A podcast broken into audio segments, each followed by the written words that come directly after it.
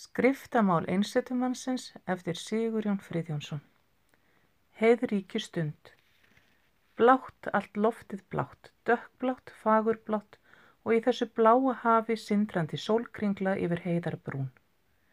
Ég leitað orðum og ég finn lengi ekki annað en þetta. Blátt, dökkblátt, fagurblátt og sindrandi sólkringla yfir lári heiðarbrún eins og hún væri á næstu grösum. Svo tínast orðin að.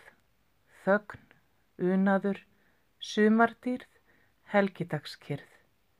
Ég hika við sumardýrð. Þetta er á góu. Engin fugglasöngur, engin lækir niður. Lár fossatinnur í fjarska.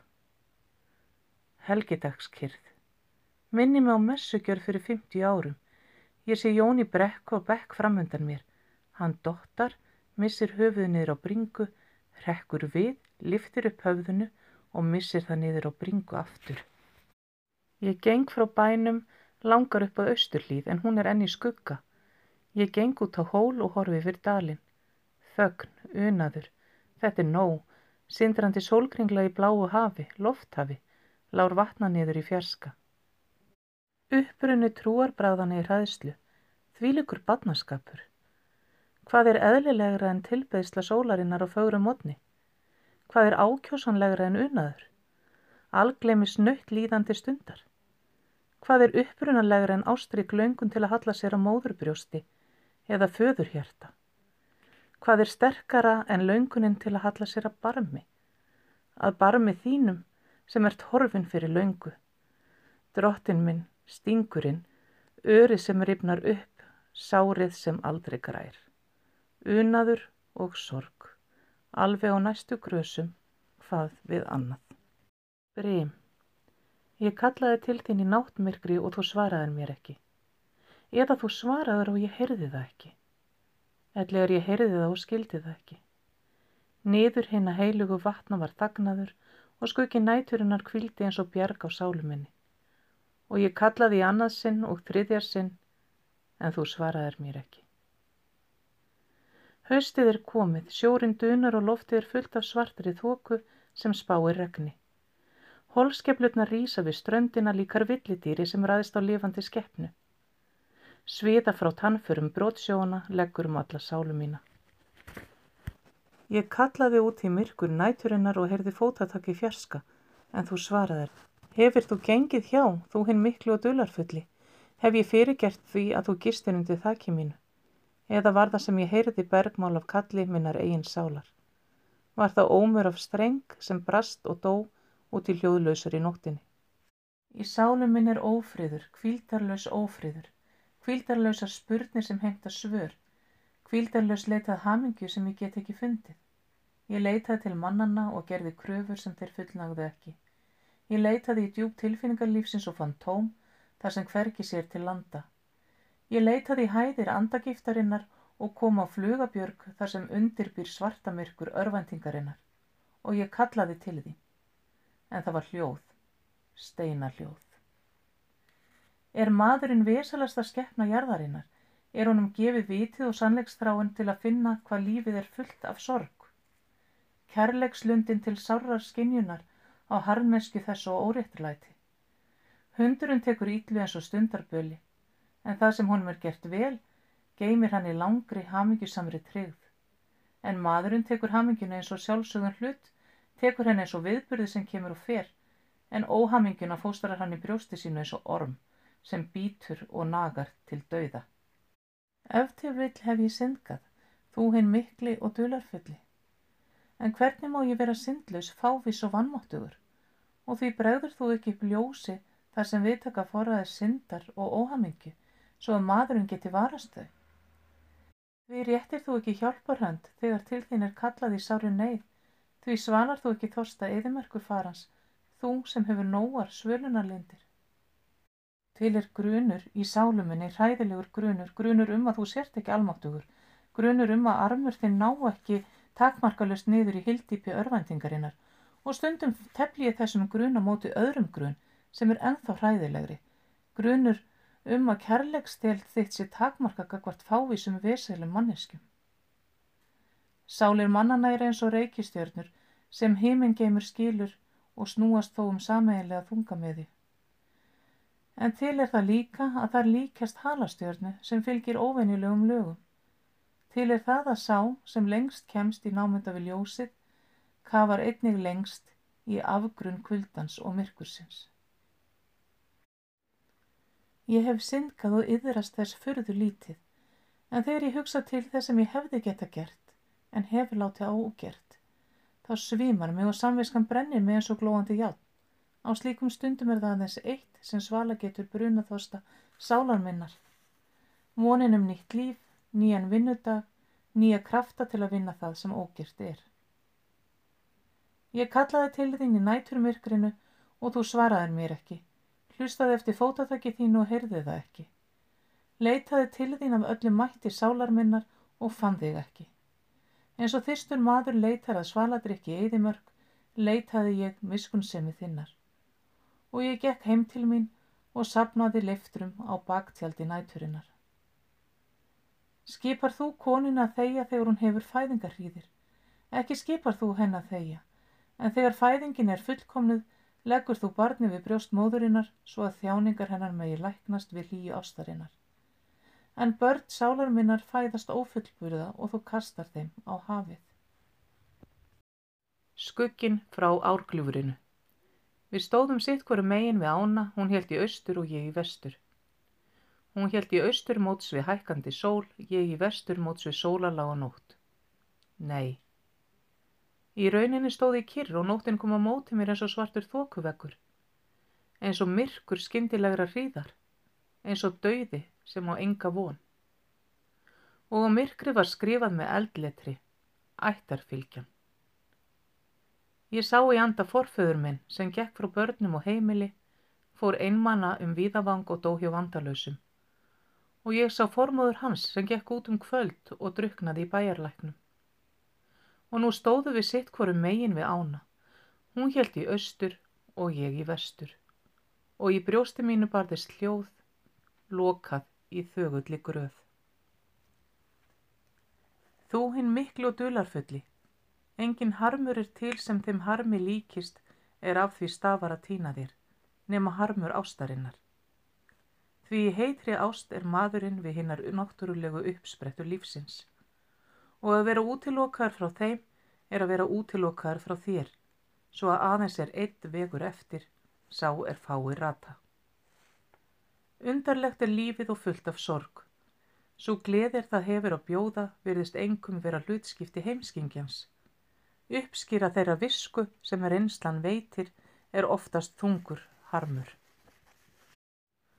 Maðurinn talar um framfarir og huggar sig við vonir um fullkomnara líf einhver tíma í ókominni tíð. Einhver tíma, einhver tíma. En er ekki þrautir og dauði, óteljandi einstaklinga um óteljandi aldaraðir, allt of stór fórt fyrir óvissan þroska og óvissa hamingi óvissra kynnslóða í óvissum tíma? Er ekki þessi von í rauninni sár fátakleg? Sár fátakleg. Ég stóð á sumarmótni og horfi við landið. Fátakt og fámænt land og þó með mikið náttúruauði í skauti sínu. Og ég sagði við sjálfa mig, þetta land mun vera fjölmönd og auðugt land. Það mun taka með náttúruöflin í vinnu, láta þau lýsa og verma landið og tengja saman héruð og sálir mannana. Hér mun vaks upp stórhuga þjóð máttug í orði og verki, hér mun vera gott að lifa. En á krossgötum við fætur mér sá ég koma fram hönd, tærða og vissna hönd, hvita eins og vetrarsnjó og hún skrifaði á jörðina þessi orð. Að vísumun þjóðin vaksa og að vísumuninni lærast að sækja auðafi í skauti jarðarinnar. Að vísumun hún nálgast það að eiga það sem nú kalla flestir góða daga en hún mun halda áfram að lifa í sundurþykju og baráttum ímynduð gæði. Einstaklingar munu fæðast, þroskast og dragast saman og hrökkva hvorir frá öðrum. Berjast um stundarnautnir og þreytast þó á þeim að lokum, deyja og hverfa. Að vísum mun þjóðin vaksa, um stundarsakir. En síðan mun henni hnigna og hún deyja út eins og allt á þessari jörð. Því lífið er hégómi sem kemur og fer kemur og fer Og fólk kom og fór um veginn og las það sem hinn hvíta hönd skrifaði og það misti trún á landið, trún á sjálft sig og framtíðana, kjarkin til að lifa. Því á öllum vegamótum voru skrifuð þessi orð. Lífið hverfur. Það er allt saman hégómi. Ég er ekki hrættur við dauðan. Ef til vil endar allt með honum og hvað er þá að óttast? Og ef nú dauðin er missýning og það er mér næsta ætla, því skildi ég það óttast hann. Ef til vill er helviti hinum megin og það er mér næsta ætla, að vísu hef ég syngað og að vísu veit ég að maður kemst ekki hjá endurgjaldslögmálunu, en hef ég ekki þegar liðið allar þær kvalir sem mannleg náttúra getur borið? Er til verra helviti en hér á jörðinni? Og því skildi ég ætla þér minna en sjálfu mér, þú hinn miklu og dularfulli. Því skildi ég ekki vona að þú getur fyrirgefið, eins og ég vona að geta fyrirgefið þeim sem gert hafa hluta minn. Og því skildi ég trúa á óendanlega hegningu fyrir endanlegt brot óvita manns. Nei, ég óttast ekki dauðan, finnst miklu fremur að hann munu vera kærkomin kvíld. Og ég yðrast þess lítið sem ég hef gert.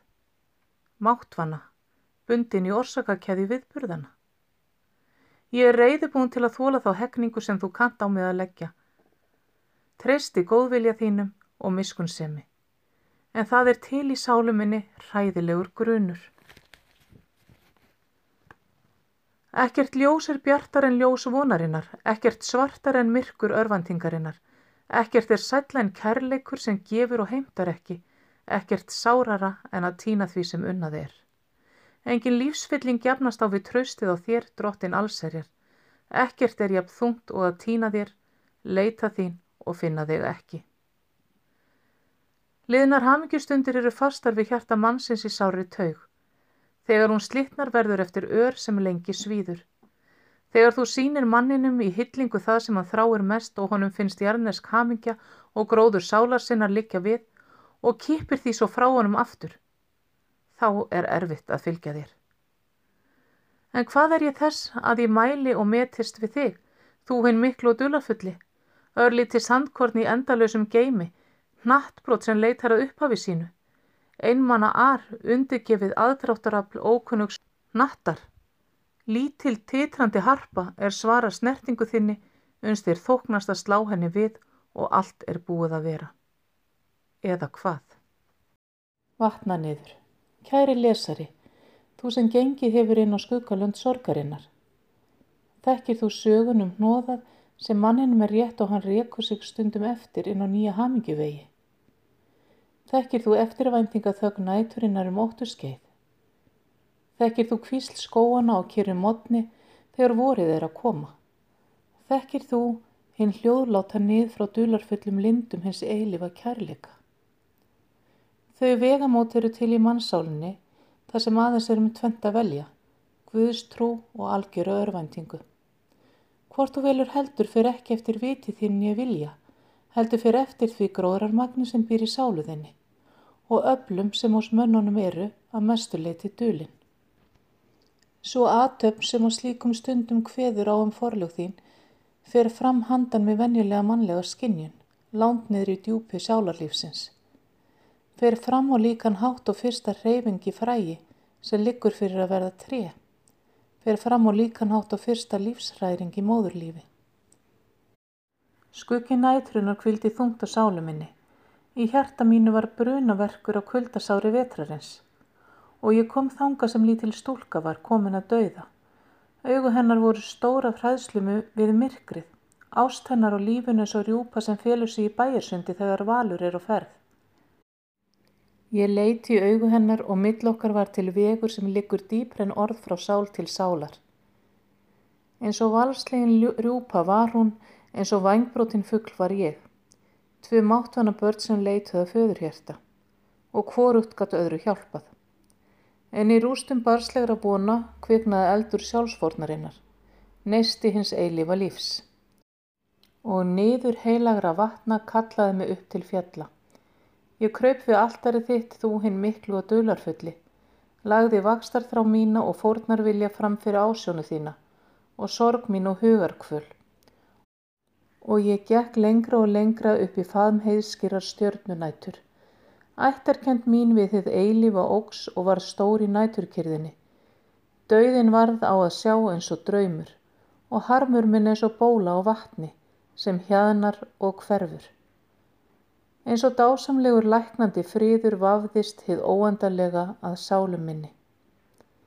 En hið ónotaða bróðurþel og hið ósagða kærleiksorð kallaði mig aftur til mannana.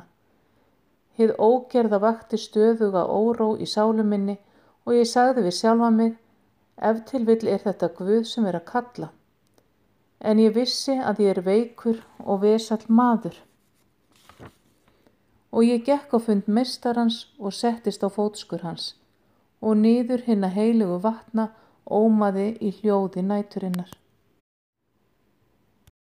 Stafróf mestarans Lífið er hamingja, hið fylsta líf, hinn fylsta hamingja. Óhamingjan vanhelsa sálarinnar. En skarpskygni á fyrirbyrði lífsins er stundum orsök þeirrar vanhelsu. Til er mæli hverða óhamingju. Vega lengdin á milli hámarks hugssjóna og daglegra reynslu. Að upphefja þá vega lengd er takmark spekinar. Sannleiks ástin er grundvöldur allarar umbútar viðleitni. Efinn fyrsti vísir hennar. Leitin að sannleikanum fyrsti áfangin.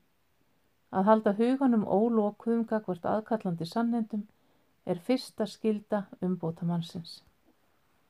Önnur aðsta skildan sér að ala sjálfströst þess sitt við tröst á Guði. Það mun koma fyrir hann að hann þarf mikið á hvoru tvekja þessu að halda. Fátt þólir múamæðurinn verð en fluttning ókendra sannenda. Hið fyrsta í sveprófum er oftast mótspyrnuhugur. Allt nýtt fæðist með þjáningu og við mesta þjáningu það sem mest er verðt. Aðeins tvent er til sem bori getur slíkar þjáningar. Mikil sannleiksást og mikil kærleikur. Og í rauninni hvoru tökja eitt og hið sama. Einlegur vilji til að komast og vera í samræmi við þið eilífa. Sá sem bæðir vitringur og góðmenni flaskar ofta því að treysta öðrum og vel, þanga til hann lærir að hyrða lítið um venjuleg þessa heimskæði. Skýrt, ferming og aðri slíkir trúarsýðir eru eins konar steingerðar skelljar fordra trúabræða. Þar geta varið gammal líf um stundarsakir en nýgræðingi með fullug gróðrarmagni standa þær fyrir vakstarþrifum. Unsan brítu þar af sér á sínum tíma. Kjarni sannrar trúar er kreddulust tröst á höfundi tilverunar og vilji til að samtíðast hans vilja. Svo vinna sem mest er verð er jafnan gefin líkt og ljós og ylu sólarinnar. Þá er maðurinn lagður nauðugur viljugur undir aðstað lögmál lífsins, lögmál, kær, lögmál kærleikans, lögmál hins algóða, óendanlega og lögmál hins eilifa. Hver endurreysnar tími byrjar eins og ókyrð á loksæ. Ókyrðin vex og verður á öldum sem rýsa herra og herra, falla allavega, riðlast og rekast á og lókum í stórfældu brimróti. En þó er aðal undiraldan alltaf ein og söm, þrá eftir fullkomnun, þrá eftir hamingju sem maðurinn bevísi til í eðli sínum. Þau verðmæti lífsins sem mest varðandi eru verða allstaðar fundin. Allstaðar þar sem lífskjörin leggja nægilegt til líkamlegar og andlegar þróunar. Auðafi sem eru þar fram yfir verða venjulega til vakstartálma. Til eru tví einn áttaviti sem oftast er óhætt að fylgja. Fríður og ófríður sálarinnar. Órósemin er að öðru leiti vottur um vöntun og villu frá mann, mannsins áskapaða vegi, en að hinu leitinu vottur um vilja til að komast á rétta leið. Fríðurinn býr á hátindi hamingunar, en varaði þegar villast ekki á honum og þeim fríði sem býr í dölum döðans. Þegar maðurinn missir það sem hann annaf öllu hjarta, er ekkert til sem það tjón getur bætt nema trúin á Guð og eilífðar vonin. hið mikla dularfulla. Mannshugsan svo sem er að skapast í hugsanarbyrjumi nútímans er af annari hálfu djarfur þróttugur einstaklingur og af annari hálfu sambandsnamt heildarbrot, líkt á hnöttur er gagvart öðrum hnöttum og þungamiðju heils sólkerfis. Og þungamiðja mannlífsins liggur utan við jarlífið og tógar þaðan út og dularfullt haf eilifðarinnar. Svo segja fróðir menn að stjörnufræðingar finnir stundum með aðtugunum að gangi hímintúnla og rekningi að til sér nánd við þau ósynilegur nöttur sem áhrif hafa á göngu þeirra. Á líkan háttir því varið þegar maðurinn finnur Guð. Hann finnur að einstaklingslífi næri ekki fullu gildi nefn í samfélagi við óþögta stærð. Hann finnur að í því samfélagi verða alla raunir léttari og að það er hið aðstant noss sem mannlífið hefur að bjóða. Þessi óþögta stærð er það sem hann kallar Guð. Það er ofætlun vitsmunu mannsins að finna dýfstu rauk tilverunar. Mestur hluti kristina manna lítur svo á að þið illa sér til fyrir einhvers konar náð eða afskiptarleysi allt sjáandi almáttugs Guðs. Lítur á það sem uppreist gegn Guði sem að líðurinn leifir ekki, nokkuð er hann sem aðri mátur getur upprætt en hyrðir ekki um að uppræta og hegnir þó fyrir að lokum. Skýrskotun til frjálsræðis mannsins réttlega ekki svona afstöðu Engin móður og engin fadir, engir foreldrar sem einlaglega elska sitt barn, leifa þvinni líða þeim að sjálfráðu að gera það sem þau vita barninu muni verða til varanlegurar ef til vil endalösrar óhamingju, ef til vil endalösrar kvalar. Kæmi slíkt fyrir væri það vottur um skort og kærleika og gagvart almáttugum Guði er maðurinn barn, veikt og vesalt barn.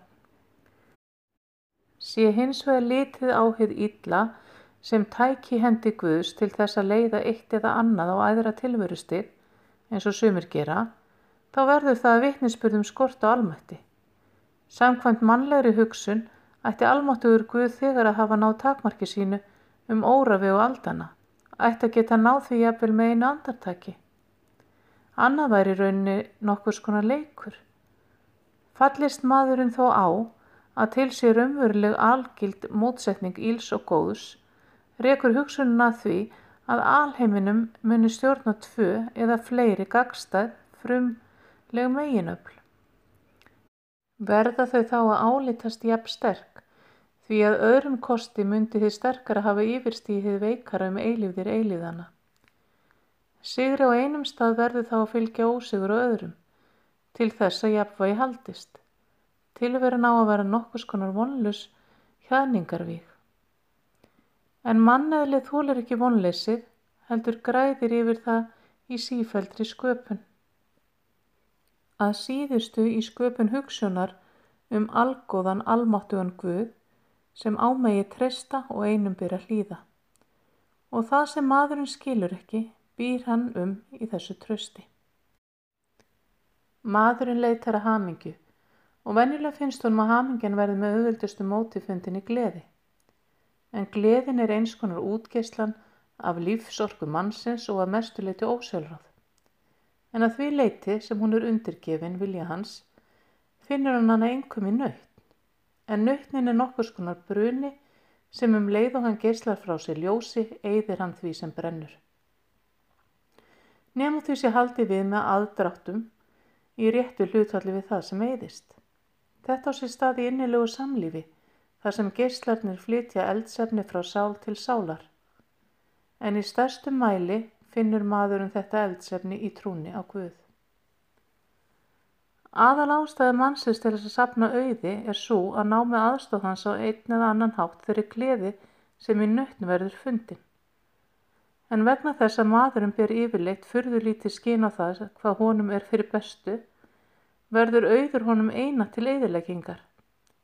Kinnþáttur sem yfir miklum auði ræður vissnar vennilega fljótt og hverfur af jörðinni eða sekkur í þjóðahafið. Hið andlega eðli mannsins þroskast vennilega best þar sem honum eru sterkar skorður reistar. Þetta bendir á guðlega handleðslu.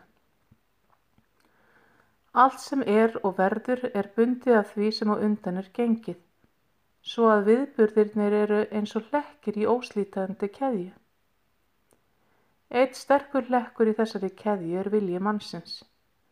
En þegar hann er sterkastur, kemur hann venjulega fram sem brot af öðrum stærri vilja.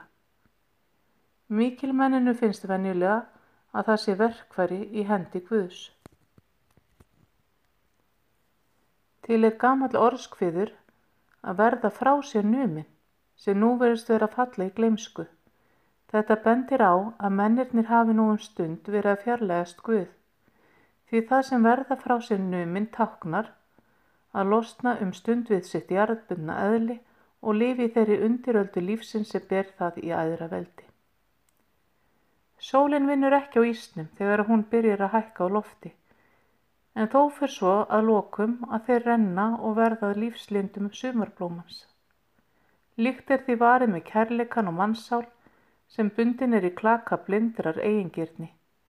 Stöðu ég er velvildar geyslar vinna á þeim klakaða lokum og kenna manninum hvað lífið í fyllingu sinni er. En slíkir geyslar þróast best í skjóli Guðstrúarinnar. Velvildar ströymur frá sál til sálar, þar sem jamt er gefið á báða bóa, eru þau gæði sem maðurinn þráir heitast, undir niðri. Sjálfur er kærleikurinn aðalega fæðingargjöf, ósjálfráður og uppruna, eins og allt sem mest er verðt. Honum fyrir oft eins og blómi sem sárt er leikið af norðanstormi. En til er það að hann rýs aftur í þeirri dýrð sem fegurst verður séð á jörðinni. Engum þegar hann rennur í eitt við tröst á algóðum guði. Kærleiksstráin og kærleiksviljin Traust á handleyslu aðri máttur og einlag viðleitni að samþýðast honum eru aðal þættir í kenningu Jésu og allri sannri Guðstyrkun. Það í trúarbröðum sem er fram yfir þetta er að mestuleið til hljómandi málmur og kvellandi bjalla. Í kirkjum kristina manna er þá oftast bjölluljóði sem mest ber á. Við jarðarfari nálgast kirkjurnar það mest að vera musteri Guðs, ekki vegna þess sem þar er þá venjulega sagt, heldur vegna þeirra hljóðlátu undirgefni undir Guðs vilja sem framkemur við slíkt tækifæri. Guðstrúin og vonin um framhald lífsins eru hvortvekki senn, sterkasti lífsnisti og aðsti spekikærni mannkinsins. Á meðan maðurinn er ungur og líkumsorka hans gróandi, getur honu liði vel og engum ef hann lifir hugsunarlíti og því líkt sem dýrin lifa en því meira sem hann veitkast og fullkomleika hugsun hans stækkar, því lengra verður bílið, venjulega á milli þess sem hann þráir og óskar og þess en hann getur og fær. Og engum ef hann hefur ríka kærleikslund, því eins og í kærleikslundinni er uppspretta aðstu jarneskra sælu, eins er í henni uppspretta átanganlegustu vansælu, þegar hún fær ekki þó næringu í endursvari sem henni er nöðsynleg en bæði aðstu sælu og þingstu sorg nýgur maðurinn í faðm hins dularfulla sem hann kallar Guð. Þetta er ósjálfráð eðliskvöld sem í er upprunni allra meiri háttar trúabraða. Þegar ég líti við það sem líðið er, sínist mér að ég hafi gert ímislegt sem haft hefur óhefnilegar afleðingar og engum fyrir sjálfan mig. Ætti ég að lifa aftur sama lífi með þó endurminningum það og þann skilning á því sem ég hefi nú, myndi ég því reyna að haga ímsu á annan hátt. Og þó efast ég um að mér myndi takast það svo miklu munnaði og ég efast um að svo breyting sem kynna verða yrði mér til aukinar hamingju. Eða aukins þroska. Ég veit að vísa viljin er máttugur. Og mér sínist oft fyrirfram að hann geti komið miklu til vegar. Eins og hann líka gerir. En á eftir segi jafnan að hver aðtöfn er bundin af orsökum.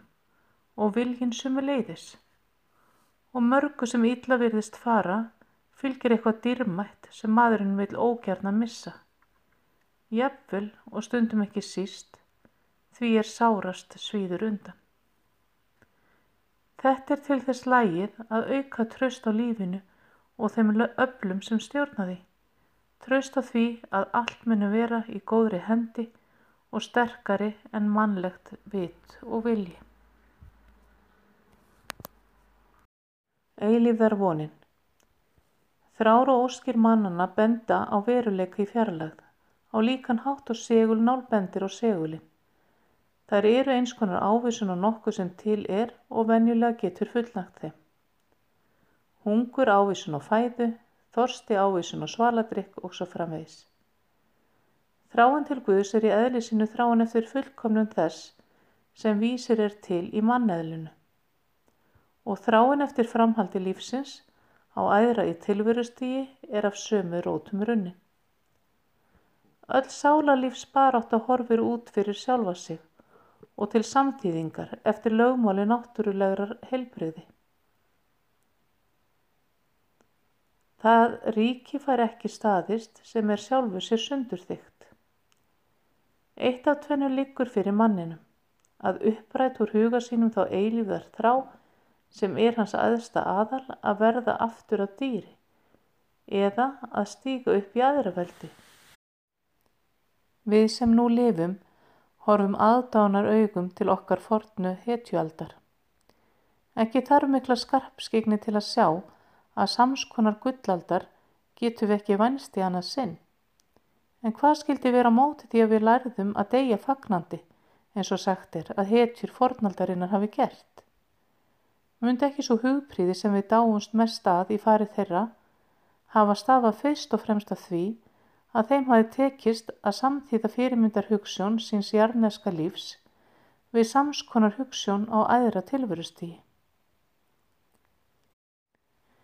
Þrátt fyrir þá feiknavíti rúmsins sem mannshugurinn kafar, allt frá frumögninni minni en auga getur greint og þó nokkur skonar sólkerfi, heimkynni natta sem snúast um þungamiðju með fjarlægðum sín á milli, stórum í samanburðu við sjálfa þá, allt frá arinu í frumögninni til stjarna út í geimnum, í þeim fjarska sem jafnvel ljósi þarf árþúsundi til að renna, þá finnur hann þó aldrei takmörk sem hann geti stöðvast við. Og um tíman er því varið á sama hátt. Og það sem við köllum efni, hvað er orðið að því þegar frumögnin er orðina sólkerfi? Ef til vill örsmáum afniklum, stórt og smátt orðið að einu. Mundi ekki vitund mannsins sem vör gerist við svo mikilla tíðinda, þessi litla kvika sem víðförlari er en nokkuð annað, sem hún þekkir og finnur þó aldrei takmörk víðförli sinni, myndi hún ekki vera af því bergi brotin sem takmarka lust og eilíftir.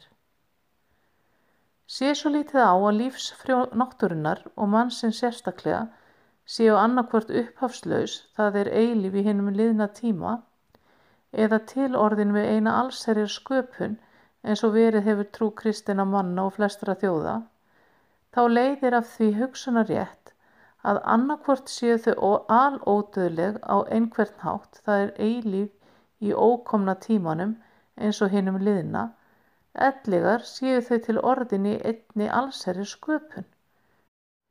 Þá séu þau þó ódauðleg þangað til þau afskapast aftur í einu lagi. Hugmyndin um aldauða einstaks frjós er í hvortvöki þessu tilfelli í mótsögnu hugmyndin um jafnvægi tilverunar.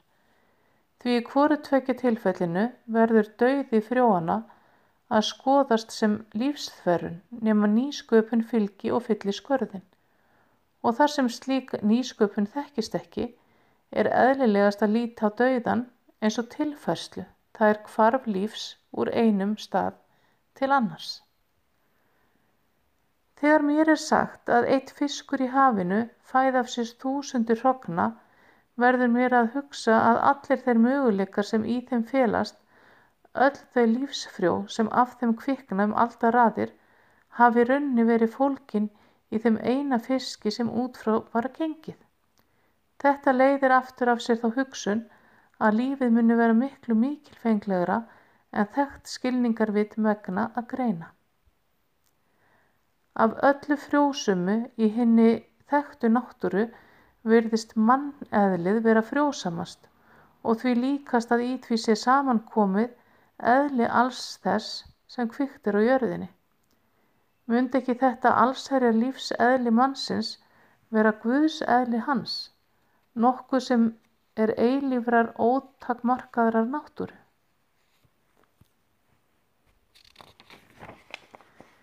Réttvís maður og óhlutdrægur mun sjaldan eiga marga vini. Sjálfrátt og ósjálfrátt heimtar vinur af vini að hann taki sig fram yfir aðra, sé sér vilhallur á einn eða annan hátt. Ef þetta kemur ekki fram, vissnar vinátta mannsins oftast fljótt. Þetta virðist vera lögmól sem tæplega verður yfirstíð í jærlífinu, en þó er það haft á fullkomnar hugsun mannsins, alkærleika hans og réttlætistilfinningu. Og það er ein af orsökunum til þrárinnar eftir aðra tilverustíi. Þrárinnar eftir framhaldi lífsins þar sem vöxtur hæfileika mannsins getur farið fram. Í manneðlinu er til vísir miklu fullkomnara lífs en náðast hefur í jörðinni. Reynsluvísindi nútímans kunna mörgur auk til þess að ekkert verði af engu og ekkert að engu. Mundi þá veru undatekning um þá hæfileika einstaklings og krafta sem búi hinnum jarneska líkam og ekki ná í honum fullum þroska og virðast ekki geta náði honum fullum þroska. Mundi ekki hitt vera heldur að hver þroskavísi sé eins konar ávísun á það sem að er stemt og þróun mannsálarinnar ná út yfir líkamlegan döða. Frá fyrðu ströndum. Orð, hversu dásamlegur er ekki þessi ávöxtur mannsandans? Ángan, hljóma, liti, hita, kulda, allt þetta og miklu fleira getur það fjötráðu geimt. Jafnvel um ár þúsundir. Af öllu þessu getur það gefið og átt þó jafn mikið eftir. Jafnvel um ár þúsundir. Og þó er það ekki nema klæðnaður þess sem er miklu meira, ekki nema leiftur af því sem býr í djúpi mannsálarinnar. Það er til að sömu hugsanir kvikna hjá mönnum sem láttur á milli. Til andlegir vegir sem lítið eru þekktir til vegir milli mannanna sem ekki þarf annað en sterkari sendifæri og öflugri móttökufæri til að hagnýta. Hver myndi geta sagt um það hvað aflstöð, þróskaðrar vitundar getur sendt skeiti sín langan veg? Hver um þróskatakmörk færa er við slíkum skeitum geta tekið? Andlega áhrif verða að stafa af eins konar útgeislan í líkingu við ljós, hýta og fleira. Að slíka andlega útgeislan og aðgerslan geti átt sér stað jafnvel úr mikilli fjarlægð er gömul hugsun í öllum meiriháttar trúarbrögðum. Þess áttar sambund á milli stjarna og þau er Helgi Pétursson gerir ráð fyrir eru þau ekki óhugsandin í aðalatriðið ný hugmynd, heldur er það aðeins sérstakt form gamallar hugsmíðar. Haf eilifðarinnar er stórt og dularfullt. Máttuleikar mannsandans miklir og dásamlegir. En svo stórt tré getur vaksið upp af frægi sem falið er í jörðu eins og fögur og heilnæm blómjurt getur vaksið upp af öðru frægi og eiturjurt af því þriðja, eins getur upp af því sem fólkið er í eðli mannsins vaksið margt og ímislegt sem nú hafa fáir hugmyndum. Til er í manneðlinu vísi til sjónfara sem eru með öðrum hætti en hinn vanalegu. Til sagnir um það og honum gefur sín yfir fjarlagðir í rúmi, til og honum gefur sín yfir fjarlagðir í tíma. Eins og vísir blómsins er til þegar í bruminu, eins og allir möguleikar jurtarinnar eru til þegar í fræinu, þannig er vísir hins ókomna til þegar í nútíðinni. Til eru orð sem heitir hugbúð, til hugbúð um það sem ekki er komið fram, til að maðurum verði var við óorðin tíðindi, til að fræið breyðir út blöð fyrir andlugu auga ára en hefur líkamlega fær litið það, Til hið dularfyllst af öllu dularfullu að manninum gefur sín yfir það sem ekki er komið fram. Og eins og fjallsteindar koma fyrst í ljós þegar silt er að landi af hafi, þannig eru það stórtíðindi hins ókomna sem fyrst eða engum kasta gistlum eða skuggum og engum skuggum undan sér. Þetta verður engum í draumi, verður engum þegar lokaðir fyrir ís og þýst daglega lífsins. Til er líka að því bregður fyrir mannin eins og leiftri að það sem er að verða eða eitthvað mjög líkt því hafi hann lifað áður, annar staðar en í þessu lífi. Til að menn hittist í fyrsta sinn eins og gamlir vinir, til að menn hittist í fyrsta sinn eins og óvinnur frá fornu fari. Til spurnum það hvort endurminningin fylgi frjói mannsins frá kynnslóð til kynnslóðar eða það sé sjálfstæð sál er geymir hana hafin yfir eðli yfir þekkt efni jarðarinnar. Stund í fjölmenni. Maðurinn þarnast bæði einveru og samvista við aðra menn. Eigingirni mannsins er líka aflið því sem kastar hnett út í geimin. Samúðin líka afli sem tókar hann að samiðlegri þungamiði. Hvortvekja vinnur að því að halda rás viðbyrðan í eðlilegu horfi. Næst er að segja að hvorugt sé ílt og hvorugt gott eða hvortvekja gott í sínu innsta eðli en eigingirni mannana veldur oft mikil í þjáningu.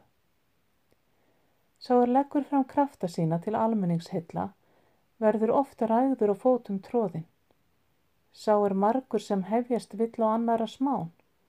Margur sá er illa þólir að höfuð eins eða annars vaksi yfir múgin.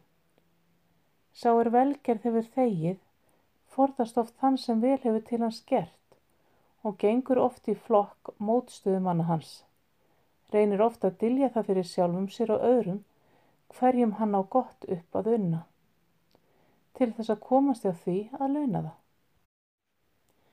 Af einlægri kröfulausri velvild er til fyrðu lítið á meðal mannana, engum karlmannana og fyrðu lítið af einlægri þakklátsemi, en í sál flestra manna bjarmar af nýjum degi. Menningar hugsun flestra manna í nútímanum er nokkurs konar munaðarvími hugsun. Falleg hús með fínum útbúnaði, dýrar krásir, falleg fött, kittlandi skemmtanir, þetta er það sem hugur flestra stefnir að. En reynsla allra alda sínir að munaðarlíf spillir manninum, en hæfileg baráttu fyrir tilverunni þroskar hann og göfgar og engum samhjálpin í þeirri baráttu. Umbúta fræin hafa alltaf lifað best hjá lagri stjettunum, við vinnu, samúð og hjálpsemi. Því fleiri þarfir, því meiri menning, segja margir nú á dögum. Í þessu eru þau sannindi að þarfirnar eru afluvaki sem knýr mannin til starfa. Knýr hann til að leita, knýr hann til framsóknarinnar. En á þessu líka til önnur hlið. Ófullnagðar þarfir valda óanægu og óánægjan er óhamingja. Því fleiri sem þarfirna verða, því erfiðara verður að fullnægja þeim og óánægjan venjulega því meiri. Og síðan tilneying til yfirgangs á aðra menn, óvild og ófríður að lokum. Þær þarfir einar eru góðar sem stefnað viðhald og þróun líkam á sálar. Aðrar þarfir ber að sigra og fækka þeim. Því færri sem líkamlegar þarfir verða, því frjálsari verður andin að viðjum efnisins. Þekkingarþráun er eitt liður vakstarþrárinnar og eina gufugustu einkunum mannsandans. En það að leggja mikla rægt við minniskáu þýðir stundum það að gera á hlutar skilningsins. Orðin mentun og fróðleikur eru oft látin tákna eitt og hið sama, en í raunin er þetta sitt hvað. Sá er fróður sem margt veit, en mentaður er sá sem þroskað hefur skinnsemi sín og ímyndinarafl vilja sinn og framkvæmda þrótt. Mentaði sá sem tami hefur og þróskar allt það gott sem í honum býr og reitt upp ílgresi sálarinnar. Til þessa er fróðleikur hjálpartæki þegar rétt er stemt, en of oft verður hann það ekki. Skólar ofbjóðstundum þekkingaþrá og skilningsgáðu barna og úlinga. Vilja lífi þeirra og vinnuþrótti á líkan hátt og meldingarfærum líkamanns er misbóðu með ómikið í fæðu eða illmeltanlegu næringalitlu hrati. Megni að því sem kentir í skólum gleymist fljótt og hefur litla þýðingu fyrir lífið. Þýðingamesta námannsins er sjálfsrækt þess sem í honum býr. Að leiðbena við þá sjálfsrækt er þýðingamesta hlutverk skólana. Sá er við læra verður að vera varfærin því margt er það sem tvímæli sorkar. En fyrst og fremst verður hann að vera einlægur og lítillátur. Sá einn er jafnan heldur huga sínum ólokun gagvart nýjum aðkallandi sannindum, lærir alla daga. Hróki er auðkenni innilokunar, nokkurs konar sálar-blinda, en hann blandar stundum bliðunarsemi er vakir vísvitandi yfir lítilli þekkingu. Sjálfselska er eins konar þykni eða skil um sálu mannsins. Hún varnar innstreymi og útstreymi og er manninum nöðsynleg eins og lífin er hátt á jörðinni. Sá sem veika hefur þessa skel eða yfirhúð fær oft að kenna sárt og kulda jærlífsins. Hún er oft eins og opinn kvika, hinn einlæga barslega kærleikslund. En við kuld og andstremi lífsins þyknar skilin og harnar. Að kunna að opna hana fyrir útstremi velvildar og loka henni fyrir aðstremi óvildar er lífslist á háu stíi. Þegar mest likur við er maðurinn einn, jafnvel á meðal bræðra. Eins og villidýri leitar einverunar til að deyja, eins leitar maðurinn hennar á þjáningarstundum. Leitar hennar til að finna sjálfan sig, leitar hennar til að ná æðsta þróska sálarinnar.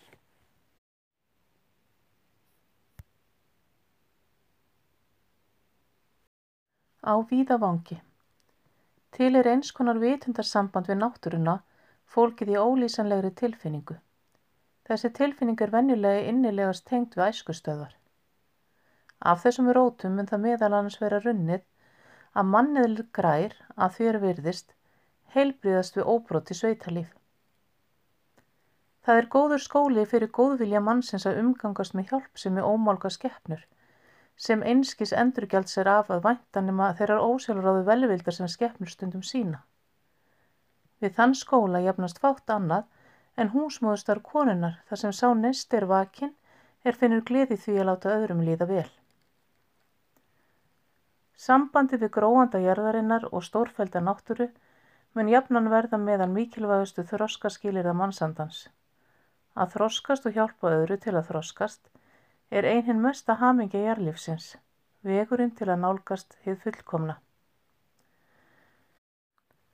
Það kærleiks eðli mannsins, sem jafnframt er aðsti hamingigjafi hans, þróast venjulega engum við hlutekningu í annara kjörum. En aðstu vikslu sína fær það við þann klukna hljóm frá hennu eilifa sem best heyrist í einverunni. Og því meiri nöðsin er þroskuðu manni á einveru, því meiri skort á samúð sem hann hefur við að búa í því félagi sem hann lifir í. Fátt er jafnvel til þess fallið að lifta anda mannsins og stjörnunætur hljóðlátrar stórfældarar nátturu.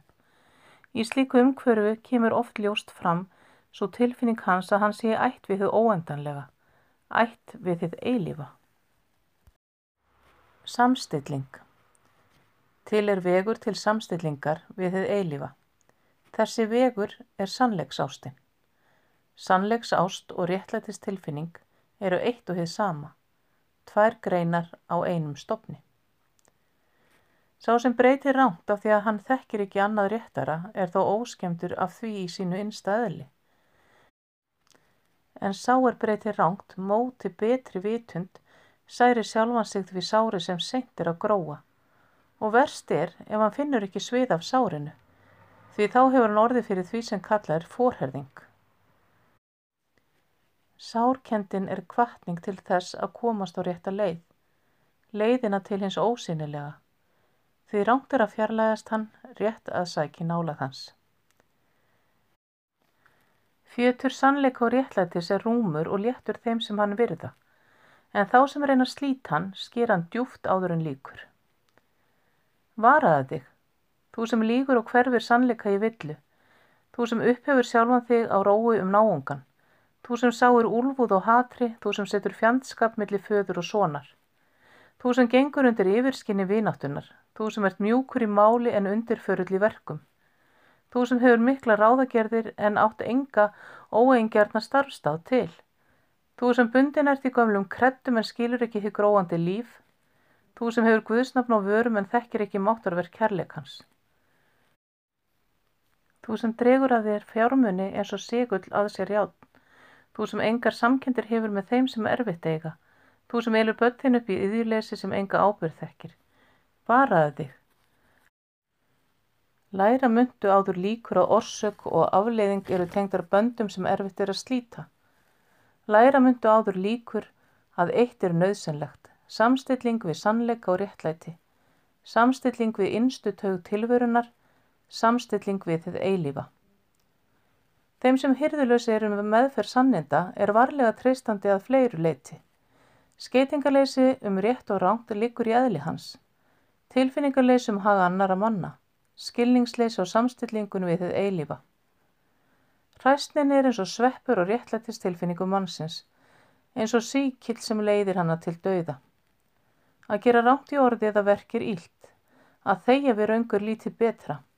Vel má svo vara sig er slíkt hendir að hann samsekist ekki þeim sem hann vil hlýfa.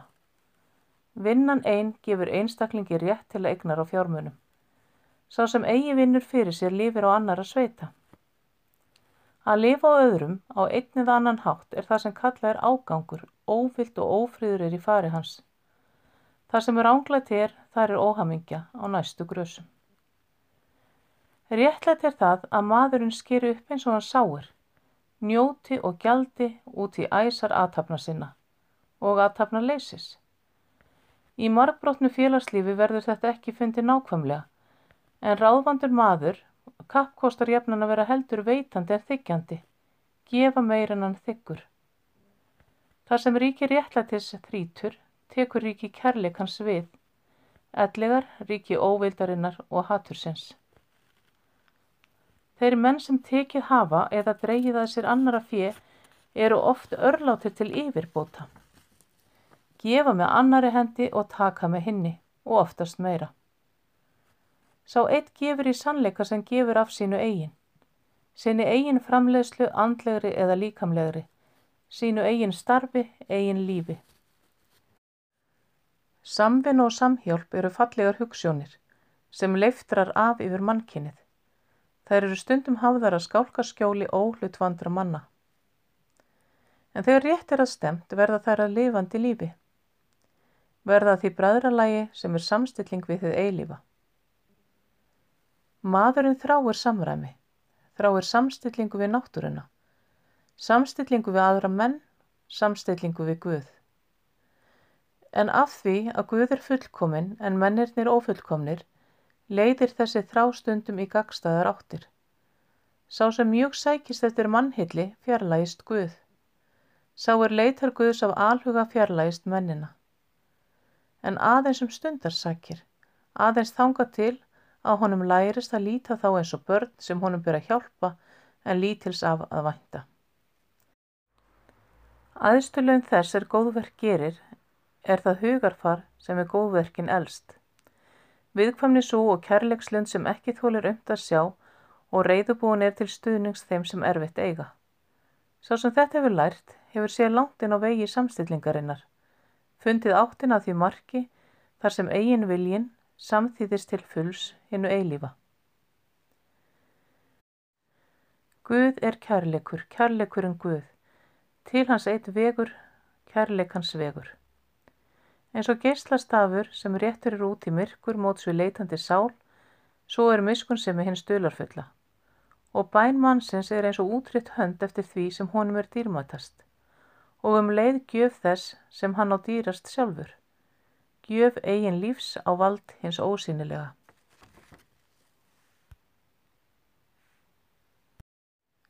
Návist hins ósýnilega Hið eilífa snertir mannin eins og háfjallakyrð, eins og dásamlegur friður, eins og hamingi sem ekki verður líst með orðum, eins og niður fjarlagra vatna, eins og vangja þittur kvítra svana, eins og kvískur gróandi skóa.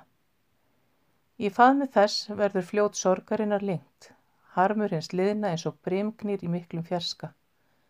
Eins og hlýr geyslastafur sem brýst í gegnum skí, brýst í gegnum myrkur og kulda, svo er kærleikur hins dularfulla. Þú veit hér mín í myrkri ég heyrði fótatak þitt í næturkerð og í sáluminn er mikil fögnuður og mikil sorg. Því langan vega og ég ógengin til heimkina þinna en sá er þú hefur snert með dýrðarspróta þínum er mertur þér, í veikleik og þrá og í trú, von og kærleika, mertur þér. Niður fjarlagra vatna kallar, kallar á fund hins ósýnilega, kallar til hins síunga, kallar til algleimisfagnaðar. Allt er svo hljóðlátt. Jafnvel fugglarnir hafa mist löngun til að syngja. Allt hlustar eftir fótatakki þínu. Friður hefur færst yfir mig, dásamlegur friður. Nú get ég farið þegar þú kallar og hvert sem þú kallar mig. Því þú hefur tekið þjáningu mín í burtu og þjáning þeirra sem ég elska mun að engu verða í þinni hendi. Söngur er í sálu minni, strengir hennar titra undir fingurgómum þínum. Láttu hönd mín að vera verkferði þitt. Hugsun mín að þína hugsun, kærleika minn þinn eigin kærleika. Þú hinn dularfulli, þú hinn mikli og dásamlegi, þú hinn heilagi, þú sem elskar af öllu hjarta. Liðin æfir á að sjá stutt eins og andartak, en heið ókomna er eins og haf þar sem hvergi sér til landa. En þetta haf er í faðmi eilífðarinnar, í faðmi þínum, þú hinn mikli og dularfulli. Indislega lætur vangja þittur hinn að hvítu svana í eirum þess sem búin er til ferðarinnar. Eins og niður fjarlagra vatna stríkur kvískur hinn að gróandi skóa um eirum mín. Niðurlag Þú hinn miklu og dularfulli. Ég kallaði til þín í næturmyrkri og þú svaraðir mér ekki. Og dagar liðu og mánuður liðu, dagar, mánuður og ár. Og þar kom að þú svaraðir mér. Þar kom að ég skildi að þú hafðir þegar svarað mér, eins og þú hefur oft svarað mönnunum áður og mynd oft svarað þeim eftir þennan dag. Þú svaraðir mér. Með sorg og þjáningu svaraðir þú mér. Með sundur kramningu sálarminnar svaraðir þú mér. Með kjenslum það að maðurinn er lítið af sjálfum sér svaraðir þú mér. En þú svaraðir mér einni með því að sína mér vísi til þessi mannsálinni sem er við Guða hæfi. Einni með því að gefa mér neist af þínu mikla kærleika. Einni með tilfundningu þess sem öllum skilningi er aðra. Einni með því að gefa mér vilja til að samþýðast þínum heilaga vilja. Þess vegna. Þegar ég nú að síðustu stend á vegamótum, þá heyr ég enn að vísu brimgníin frá brótsjóum mannlifsins og enn kvílir skuggi þess á lálendi sálarminnar. En óttu söngur hins eilifa hljómar jafnframt skert í eirum mínum og ég hefur lært að finna hinn að dásamlegu kvíld við hjarta þitt. Einstakar sinnum.